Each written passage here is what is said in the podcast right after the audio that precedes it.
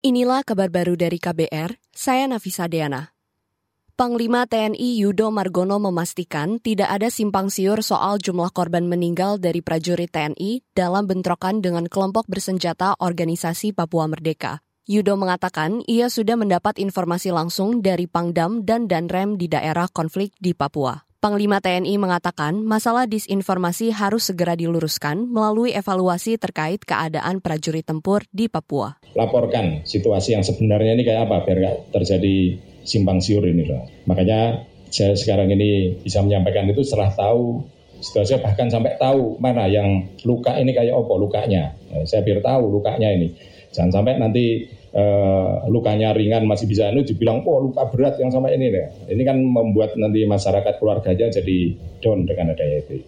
Nah, makanya kita harus tahu secara langsung di lapangan itu. Panglima TNI Yudo Margono meningkatkan status operasi di Papua menjadi operasi siaga tempur darat untuk melawan kelompok kriminal bersenjata pasca tewasnya satu prajurit TNI, Pratu Miftahul Huda. Miftahul tewas saat pos tentara di Kabupaten Nduga diserang kelompok bersenjata OPM. Sejumlah tentara luka dan empat tentara lainnya masih hilang. Kita ke informasi lain. Direktorat Jenderal Bea dan Cukai Kementerian Keuangan menyatakan impor pakaian bekas atau bolpres masuk dalam kategori kegiatan ilegal atau melanggar hukum. Direktur Komunikasi dan Bimbingan Pengguna Jasa Bea Cukai, Nirwala Dwi Herianto mengatakan impor baju bekas yang masuk ke tanah air adalah ilegal lantaran masuk dalam larangan terbatas. Iya kan?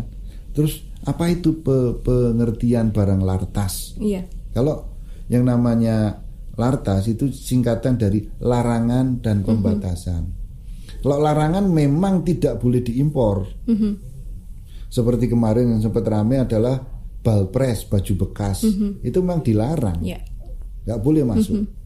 Direktur Komunikasi dan Bimbingan Pengguna Jasa di Bea Cukai Nirwala Dwi Herianto menambahkan, barang yang masuk kategori larangan terbatas tetap diperbolehkan untuk diimpor asalkan memenuhi aturan pembatasan dan perizinan dari kementerian atau lembaga terkait. Aturan larangan impor barang bekas, utamanya pakaian bekas, diatur dalam Peraturan Menteri Perdagangan Nomor 40 Tahun 2022. Dalam aturan itu, pakaian bekas dan barang bekas lainnya termasuk dalam barang yang dilarang impor. Kita ke informasi mudik lebaran. Korps Lalu Lintas Polri memperlakukan rekayasa lalu lintas sistem satu arah atau one way di tol Cipali hingga gerbang tol Kalikangkung, Semarang, Jawa Tengah. Sistem satu arah diberlakukan guna mengantisipasi terjadinya kepadatan arus mudik di ruas jalan tol.